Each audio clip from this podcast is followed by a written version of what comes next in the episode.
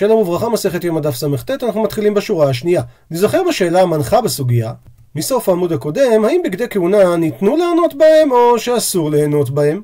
והביאה הגמרא תשמע שלא היו הכהנים משנים בבגדי קודש.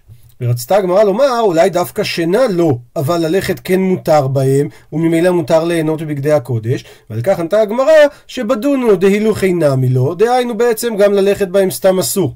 והסיבה שהגמרא נקטה את עניין השינה כדי להגיד לנו שכשהם היו הולכים לישון הם היו פושטים את הבגדים ומקפלים ומניחים אותם תחת ראשיהם. והחידוש הוא שלא אכפת לן אם הוא יפיח, יעשה גזים אחרי שהוא פושט אותם. כי מאחר שהוא פשט אותם, ממילא הם לא עליו, וממילא אין פה בעיה של ביזיון. ואז ציטוט מהברייתא, פושטין ומקפלים ומניחים אותם תחת ראשיהם. אומרת הגמרא, אבל אם ככה האשמת מינה, אז מזה אנחנו מסיקים שבגדי כהונה ניתנו ליהנות בהם. כי הרי אם הם מניחים אותם תחת ראשיהם כמו כרית, אז ממילא מותר ליהנות בהם.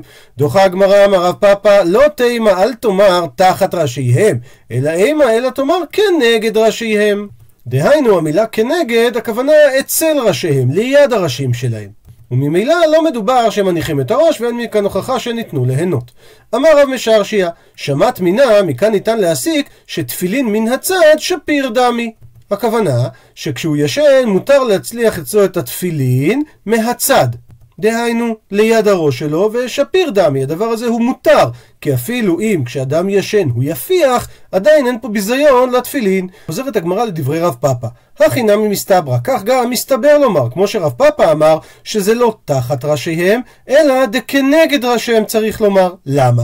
דאי סלקא דעתך, שאם היה עולה על דעתך לומר שתחת ראשיהם, דהיינו שמניחים את הראש על בגדי הכהונה, אז איך זה יכול להיות מותר? וטיפוקלי משום כלאיים, הרי יש לנו פה בעיה של כלאיים, למה? דהאי כאבנט, שהרי בבגדיו של כהן אדיוט יש ארבעה בגדים, מגבעת, כותונת, אבנת, מכנסיים, כאשר המגבעת, הכותונת והמכנסיים הם עשויים מפשתן בלבד, אבל האבנת יש בו גם פשתן וגם צמר. וני נמי, וגם אם נאמר שבגדי הכהונה דניתנו לענות בהם, ולכן מותר לשים עליה את הראש, המתהני מכלאיים, הרי כשהוא מניח את הראש על הכרית הזאת, הכרית הזאת היא כלאיים. ומסייגת הגמרא את השאלה. הניחא למאן דאמר, נוח לי לפי מי שאומר שאבנותו של כהן גדול. ויש פה תיקון גרסה של הבח, שאנחנו מדברים על אבנתו של כהן גדול ביום הכיפורים. זה הוא, זה אותו, כמו אבנתו של כהן אדיוט. ואז אין בזה כליים, כי כהן גדול ביום הכיפורים, האבנט שלו היה עשוי מפשתן בלבד.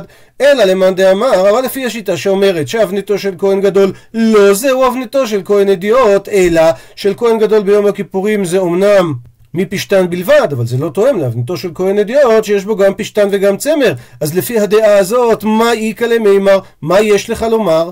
וממשיכה הגמרא, וכי תימא וכי תאמר שכלאיים זה דווקא האיסור בלבישה והעלאה הוא דאסור, אבל בהצעה שרי?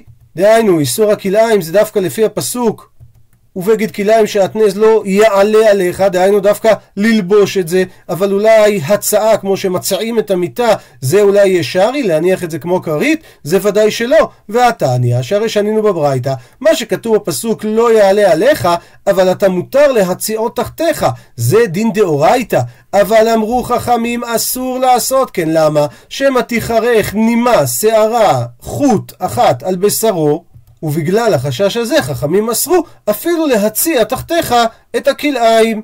וכי תימא, ואולי עדיין תאמר, דמפסיק לי מידי ביני וביני, שמפסיק לו משהו בינו לבין אותה כרית כלאיים, גם זה לא עוזר. והאמר רבי שמעון בן פזי, אמר רבי יהושע בן לוי, אמר רבי, משום קהל הקדישא שבירושלים, דהיינו משום תלמידי החכמים שבירושלים, שאפילו עשר מצעות זו על גב זו, והן מפסיקות בין החלק העליון, שעליו שוכב האדם, וכלאיים שנמצאים תחתיהן, עדיין הדין שאסור לישן עליהם.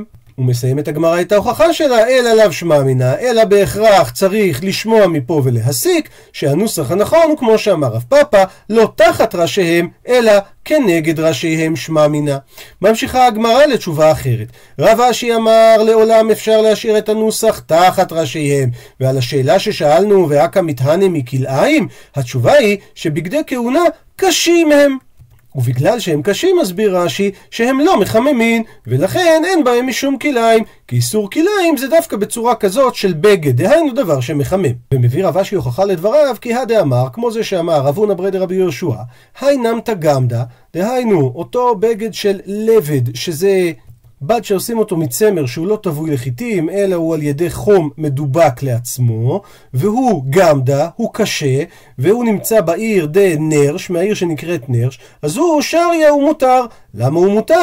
כי אין בו משום כלאיים. כי מה שהפסוק אמר, לא יעלה עליך, זה דווקא דומיה דהעלאה דלבישה, שבלבישה יש הנעת חימום. זה דבר שנאסר. לעומת זאת, הבגד הזה שהוא קשה, שנקרא נמתא גמדה, הוא בדיוק כמו שרב אשי אמר, שבגד קשה שנמצא תחת ראשיהם אין בו איסור כלאיים. ממשיכה הגמרא לנסות לענות האם בגדי כהונה ליהנות ניתנו או לאו ליהנות ניתנו. תשמע, בגדי כהונה, היוצא בהן למדינה, דהיינו מחוץ למקדש אסור. לעומת זאת, ובמקדש, בין בשעת עבודה אם הוא לובש אותם, ובין שלא בשעת עבודה, מותר. מדוע? מפני שבגדי כהונה ניתנו לענות בהם שמע מינה.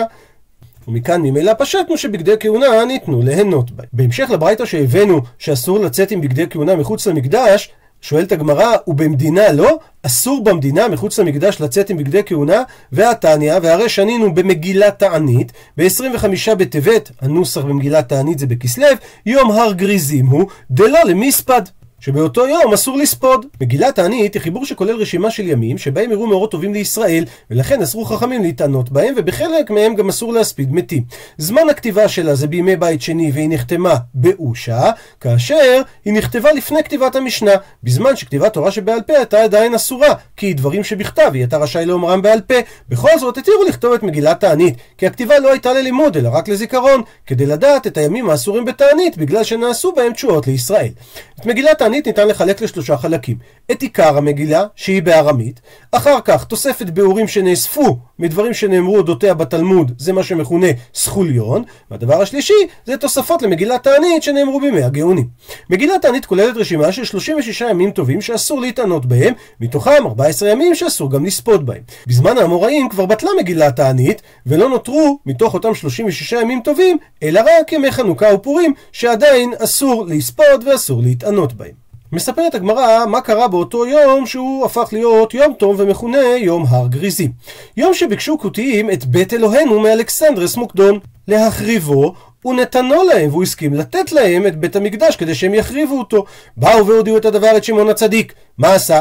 לבש בגדי כהונה, ונתעטף בבגדי כהונה, ומיקירי ישראל עמו, ואבוקות של אור בידיהן, וכל הלילה, הללו הולכים מצד זה, והללו הולכים מצד זה, עד שעלה עמוד השחר. כיוון שעלה עמוד השחר, אמר להם, ואז יש להם נקודת מפגש, אז אומר אלכסנדר ל... לכותים, מי הללו? מי אלה שבאים מולנו? אמרו לו, זה היהודים שמרדו בך. כיוון שהגיע לאנטיפטרס, מה שנקרא מבצר אנטיפטרוס ליד ראש העין, זרחה חמה ופגעו זה בזה. כיוון שראה אלכסנדר מוקדון לשמעון הצדיק, ירד ממרכבתו והשתחווה לפניו. אמרו לו הכותים, מה זה? מלך גדול כמוך ישתחווה ליהודי זה? אמר להם, דמות דיוקנו של זה מנצחת לפניי בבית מלחמתי. דהיינו, לפני שאני יוצא למלחמה, אותו אני רואה, הוא המלאך שמלווה אותי. אמר להם אלכסנדר ליהודים, למה באתם? אמרו, אפשר בית שמתפללים בו עליך ועל מלכותך שלא תחרב? יטעוך עובדי כוכבים להחריבו? אמר להם, מי הללו? מי זה עובדי כוכבים שרוצים להחריב את בית המקדש? אמרו לו, כותיים הללו שעומדים לפניך, זה בדיוק מה שהם ביקשו ממך. אמר להם, הרי הם אסורים בידיכם, מיד בעקביהם, ותלאום בזנבי סוסיהם, והיו מגררים אותם על הקוצים ועל הברקנים, עד שהגיעו להר גריזים. כיוון שהגיעו להר גריזים, חרשוהו וזרעו קרשינין. כדרך שביקשו לעשות הכותים לבית אלוהינו. אז בגלל הנס הזה, באותו היום עשהו יום טוב. וממילא שאלת הגמרא, אנחנו רואים ששמעון הצדיק, שהיה משערי כנסת הגדולה, היה בבית שני, שהוא לבש בגדי כהונה, והוא היה הולך כל הלילה עד שהוא הגיע לאנטיפטרס. אז איך אנחנו אמרנו שבמדינה לא ניתן ללכת עם בגדי כהונה? עונה על כך הגמרא שתי תשובות. אם הייתם, אם תרצה תאמר, ראויים לבגדי כהונה. דהיינו, זה לא היו בגדי כהונה ממש, זה רק היו בגדים שהיו ראויים לבגדי כהונה. ואם הייתם, ואם תרצה תאמר תשובה אחרת, שזה כן היה בגדי כהונה, אלא עת לעשות לשם, הפרו תורתך. כמו שמסביר רש"י, יש זמנים כשבא עת לעשות דבר לשמו של מקום, דהיינו לשמו של הקדוש ברוך הוא, אז יהיה מותר להפר בו את התורה. הכותים מזוהים עם העדה שנקראת שומרונים, שזה קבוצה שטוענת שהם המשך ישיר של בני ישראל. יש להם גרסה משלהם לחגים, מנהגים שוגנים מהעם היהודי, וגם ספר תורה עם הבדלים. למשל, אצלם הדיבר העשירי זה שהר גריזים הוא מקום קדוש. במהלך ההיסטוריה התגלו מחלוקות בעלות אופי דתי בין השומרונים לבין היהודים, ולאורך ההיסטוריה הם חוו פרעות ומעשי טבח על ידי כל מי שהיה פה, על ידי הביזנטים, הערבים, הצלבנים, העות'מאנים. בעבר אוכלוסיית השומרונים מנתה מעל למיליון נפש, ככה היה במאה הרביעית לספירת הנוצרים, אך עד תחילת המאה ה-20 שרדו 130 נפש בלבד. אחר כך היה אפשר כבר לייבא נשים מחו"ל, אז נכון ל-2019 השתקמה מעט הקהילה השומרונית, היא מונה כ-820 נפשות, מרביתם חיים בהר גריזים ליד שכם וגם בעיר חולון. המפגש המתואר עם אלכסנדר מוקדון זה עם אלכסנדר השלישי ממוקדון שהוא חי בסביבות 330 לפני הספירה הוא מת בגיל מאוד צעיר, 33 אבל הוא היה מגדולי המצביעים והמדינאים של העת העתיקה הוא כבש חלקים רחבים מהעולם התרבותי של אז, את כל שטחה של האימפריה הפרסית, מספר אזורים במרכז אסיה, וגם חלקים מתת היבשת ההודית. כנראה שבמהלך המעבר שלו לכיוון מצרים, או לכיוון פרס, הוא פוגש בכותים וביהודים ומתרחש הסיפור שקראנו עליו בגמרא. ציטוט מהמשנה, חזן הכנסת נוטל ספר תורה. אומרת הגמרא שמע מינה, שחולקים כבוד לתלמיד במקום הרב, כי הרי חזן הכנסת לא נותן את ספר התורה ישירות לכהן הגדול, אלא לראש הכנסת, דהיינו לגבאי הראשי. אז אם כך אנחנו רואים שזה לא נחשב זלזול בכבוד הרב אם אתה חולק כבוד לתלמיד, לזה שמתחתיו. דוחה הגמרא את זה ואומרת, אמר אביי, כולה משום כבודו דכהן גדולי. כל התהליך פה בא להראות שהכהן הגדול נמצא בראש שרשרת המזון, ולכן כאשר אתה מעביר את זה כמה אנשים, אתה בעצם בזה מרבה את כבודו של הכהן הגדול. ציטוט מהמשנה, וכהן גדול עומד. אומרת הגמרא, מכלל שהוא יושב, אז מה, עד עכשיו הוא ישב? והעננתנן, והרי אנחנו למדנו, הפכנו דף, והרי אין ישיבה בעזרה, אלא למלכי בית דוד בלבד, שנאמר, נקרא את הפסוק בפנים, ויבוא המלך דוד וישב לפני אדוני, ויאמר, מי אני אדוני אלוהים, ומי ביתי, כי הביאותני עד הלום. אז איך יכול להיות שהכהן ישב? הרי הכהנים צריכים לעמוד לשרת, והם העומדים לפני השם. אז אין ישיבה אלא למלכי בית דוד. כשאמר לו נתן הנביא, אתה לא תבנה את הבית, אז נאמר, ויבוא המלך דוד וישב. עונה הגמרא, כדאמר רב חיסדא, שזה לא היה בעזרה, אלא בעזרת נשים. זאת אומרת שבשלב השאלה חשבנו שהכהן הגדול ישב בעזרה, וזה הרי מקום שרק למלכי בית דוד מותר לשבת בו, ועל זה הביאה הגמרא את דברי רב חיסדא, שמדובר שקריאת ספר התורה בוצע בעזרת הנשים. אז כמו שרב חיסדא אמר, עוד רגע הגמרא תחפש איפה הוא אמר את זה, שמדובר על עזרת נשים, הכנה מכאן גם מדובר שהכהן הגדול ישב בעזרת נשים. שואלת הגמרא, ואיך היית מר דרב חיסדא? איפה המקור לדברי רב חיסדא? עונה הגמרא, אהה, על הדברים הללו. מי טבעי שיש קושייה בין הברייתא שאמרה שאין ישיבה בעזרה אלא למלכי בית דוד, לבין הברייתא הבאה, דתניא, ששנינו בברייתא, היכן קוראים בו בספר התורה ביום הכיפורים? בעזרה. אז אם ככה, יש קושייה, איך בעזרה? הרי אין שם ישיבה אלא למלכי בית דוד. והדעה החולקת, שזה רבי אליעזר בן יעקב, הוא אומר שהקריאה של ספר התורה הייתה בהר הבית, שנאמר, פסוק בנחמיה, ויקרא בו לפני הרחוב אשר לפני שער המים, מן האור עד מחצית היום, זאת אומרת מהזריחה עד חצות, נגד האנשים והנשים והמבינים, ואוזני כל העם אל ספר התורה. אז מזה שכתוב שעזרא קורא להם את הספר, ויקרא בו לפני הרחוב שלפני שער המים, וזה מתבצע מחוץ לעזרה בהר הבית, לכן רבי אליעזר בן יעקב אומר שגם הכהן הגדול, כשהוא היה קורא את הספר, הוא כנראה קרא באותו מקום. וממילא היה קשה לנו על דברי תנא קמא שאמר שקוראים בעזרה, איך זה מסתדר שאמרנו שאין ישיבה בעזרה אלא למלכי בית דוד? והרי אם קרא הכהן הגדול בעזרה, אז הוא כנראה גם ישב שם לפני שהוא נעמד לקבל את הספר, ועל זה, ואמר רב חיסדא, שמדובר בעזרת נשים. ממשיכה הגמרא עם פסוק אחר לגבי עזרה. כתוב, נקרא בפנים, ויברך עזרא את אדוני האלוהים הגדול, ויענו כל העם אמן ואמן, במו על ידיהם, ויקדו וישתחוו לאדוני אפיים ארצה. ושואלת הגמרא, מה שכתוב ויברך עזרא את השם האלוהים הגדול, מהי גדול? מה העניין פה? אמר רב יוסף אמר רב שגידלו בשם המפורש. דהיינו, שכשהוא אמר את שם השם, הוא לא אמר אדוני, אלא הוא אמר י"ק ו"ק. לעומת זאת, רב גידל אמר שמה הכוונה הגדול? הכוונה היא שהוא הכניס את הנוסח ברוך השם אלוהי ישראל מן העולם ועד העולם. במקום להגיד את הנוסח ברוך אתה השם. אמר לאביי לרב דימי, למה אתה אומר דבר כזה? ודילמה ואולי שגידלו בשם המפורש, כמו שאמר רב יוסף. אמר לי, עונה לו רב דימי, כי אין אומרים שם המפורש בגבולים. דהיינו, כל מקום שהוא חוץ לעזרה נקרא גבולים, ולא אומרים שם המפורש י"ק ו"ק, אלא רק שם אדנות כאשר אתה נמצא מחוץ לבית המקדש. שואלת הגמרא, ולא אומרים, והכתיב. והרי יש פסוק אחר, נקרא אותו, ויעמוד עזרא הסופר על מגדל עץ אשר עשו לדבר, ויעמוד אצלו מתתיה ושמע ועניה ואוריה וחלקיה ומעשיה על ימינו, ומשמאלו פדליה ומישאל ומלכיה וחושם וחשבדנה זכריה משולם. ומה שכתוב, ויעמוד עזרא הסופר על מגדל עץ אשר עשו לדבר, ואמר רב גידל, הכוונה שגידלו בשם המפורש. אז הנה אתה רואה שעזרא הסופר באירוע אחר גם אומר את השם המפורש, וודאי שמגדל העץ היה מחוץ לעזרה. עונה על כך הגמרא, הוראת שעה הייתה. אבל באמת אין היתר להגיד את השם המפורש מחוץ לבית המקדש. ממשיכה הגמרא לדון בפסוקים נוספים, נקרא חלק מהפסוק, ויזעקו בקול גדול אל השם אלוהיהם, ושוב המילים בקול גדול, מה יאמור, מה הם אמרו? אמר רב ואי תימה ואם תאמר שאמר את זה רבי יוחנן, ביה ביה. מסביר רש"י שביה ביה זה לשון זעקה וקובלנה. משהו בסגנון של אוי אוי, הוא מפרט את הגמרא, מה הם צעקו? היינו היי, זה פה, זה מי דאחרבי למקדש, שהוא גרם לחורבן בית המקדש, וקליה להיכלי, והוא שרף את ההיכל, וקטלינו לכולו צדיקאי, והוא גרם להרג של כל הצדיקים, והגלינו לישראל מהרעון, הוא גרם לישראל לגלות מעל אדמתם, ועדיין הוא מרקד בינן. ועדיין הוא נמצא בינינו. זאת אומרת, מה בעצם הם עשו? הם היו מבקשים רחמים שימסר בידם יצר הרע של עבודת כוכבים. וממשיכה הגמרא שהם שואלים את ריבונו של עולם כלום יהבתי לן הלא הבאת לה אותנו למה? אלא לקיבולי באגרא כדי שנתגבר על היצר הרע ונקבל שכר על ידי שאנחנו מתגברים. לא אי הוא באינן ולא אגרי באינן. אנחנו לא רוצים לא אותו ולא את השכר שלו כמו המשפט שאומר לא מדובשך ולא מעוקצך נפלה הוא פיתקא מרקיע. אז נפל להם פתק מהשמיים דהה וכתב בה והיה כתוב בפתק הזה את המילה אמת כלומר, מסכים אני עמכם. יש להם הסכמה מריבונו של עולם, שבאמת צריך לבטל את היצר של עבודה זרה. ובסוגריים, אמר רב חנינא, אז שמע מינה, מזה אתה יכול לראות שחותמו של הקדוש ברוך הוא זה אמת.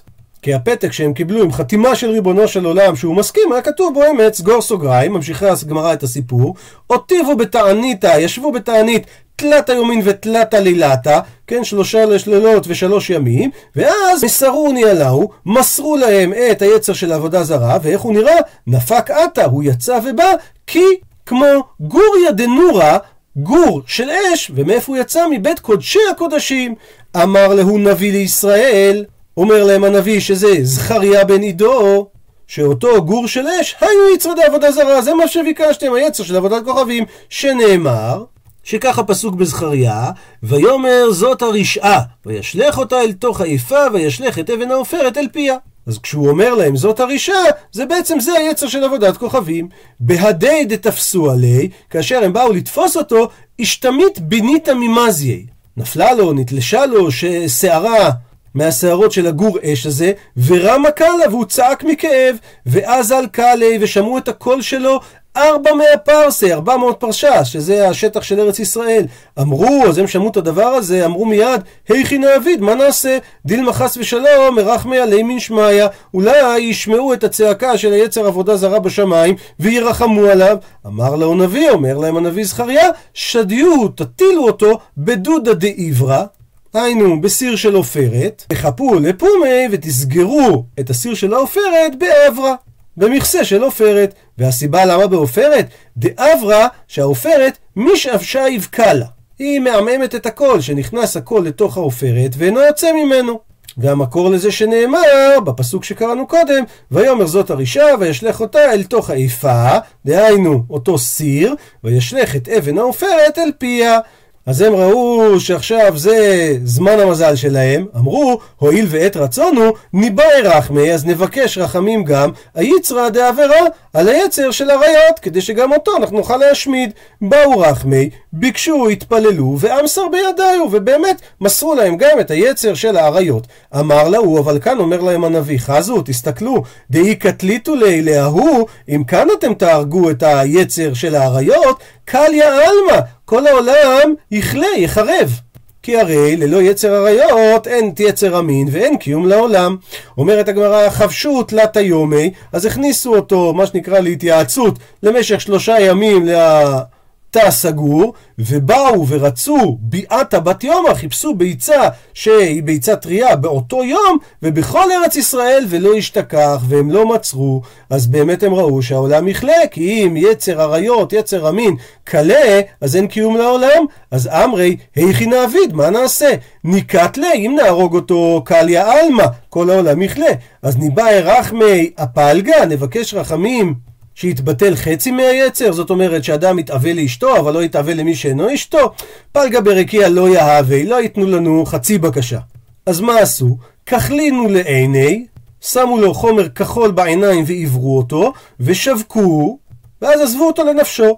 וההני וזה הועיל דלא מיגרי בי לאינש בקרבתה. וזה הועיל שאדם לא מתגרה בקרובות משפחתו לעניין עריות. במערבה מתנו הכי, ככה שנו בארץ ישראל. רב גידל אמר, שמה הכוונה שעזרא אמר גדול? שגידלו בשם המפורש. ורב מתנה אמר, שמה שעזרא אמר גדול, הוא התכוון להאל הגדול הגיבור והנורא. אומרת הגמרא, והדרב מתנה, מה שאמר רב מתנה זה מתיה לדרבי יהושע בן לוי. זה דומה למה שאמר רבי יהושע בן לוי. דאמר רבי יהושע בן לוי. למה נקרא שמן אנשי כנסת הגדולה שהחזירו עטרה ליושנה? הוא מפרט את הגמרא. עתה משה, משה כשהוא התפלל, הוא אמר האל הגדול הגיבור והנורא. אחר כך, אחרי הרבה שנים, עתה ירמיה הנביא ואמר, נוכרים מקרקרים בהיכלו. כי ירמיה, בחזון שלו, כבר ראה את שרי נבוכדנצר נכנסים להיכל ומרעים בו ככל רצונם, ואם זאת המציאות, עיין הוראותיו. כי הרי הם לא מפחדים ממנו, ולכן ירמיה לא אמר את המילה הנורא. אחרי עוד שנים, עתה דניאל ואמר, נוכרים משתעבדים בבניו. כי הרי דניאל כבר נמצא בבבל, הוא רואה את המצב של עם ישראל בגלות בבל. אז אם כך, היה גבורותיו, ולכן דניאל לא אמר את המילה גיבור. ואומר רבי יהושע בן לוי, עטו הינו ואמרו, באו אנשי כנסת הגדולה בתחילת בית שני, ואמרו, אדרבה, בדיוק הפוך, זוהי גבורותיו. למה? כי גבורתו שכובש את יצרו, שהוא נותן ערך אפיים לרשעים שהוא רואה אותם, והוא לא מעניש אותם. ואלו הם נוראותיו, שאלמלא מוראו של הקדוש ברוך הוא, האח אומה אחת יכולה להתקיים בין האומות, כמו שאומרים, איך כבשה אחת מתקיימת בין שבעים זאבים. ולכן אומר רבי יהושע בן לוי, נקרא שמה אנשי כנסת הגדולה על שם המילה הגדול, כמו שרב מתנה אמר, שמה זה הגדול? שהאל הגדול הגיבור והנורא. ממשיכה הגמרא ושואלת, ורבנן איכי עבדי הכי, איך חכמים עשו את הדבר הזה? ואברי קתקנתא דתיקן משה, הרי משה רבנו הוא זה שתיקן להגיד האל הגדול הגיבור והנורא, אז איך ירמיה, איך דניאל מבטלים את מה שמשה רבנו תיקן? עונה הגמרא, אמר רבי אלעזר, מתוך שיודעים מי ירמיה ודניאל בקדוש ברוך הוא שאמיתי הוא, לפיכך לא כיזבו בו. מסביר רש"י מה הכוונה שאמיתי הוא, שהוא מסכים על האמת ושונא את השקר. אז אם הם רואים מציאות אחרת, הם אומרים אנחנו לא יכולים להגיד דבר שכרגע מבחינתנו הוא שקר. עד לכאן דף סט.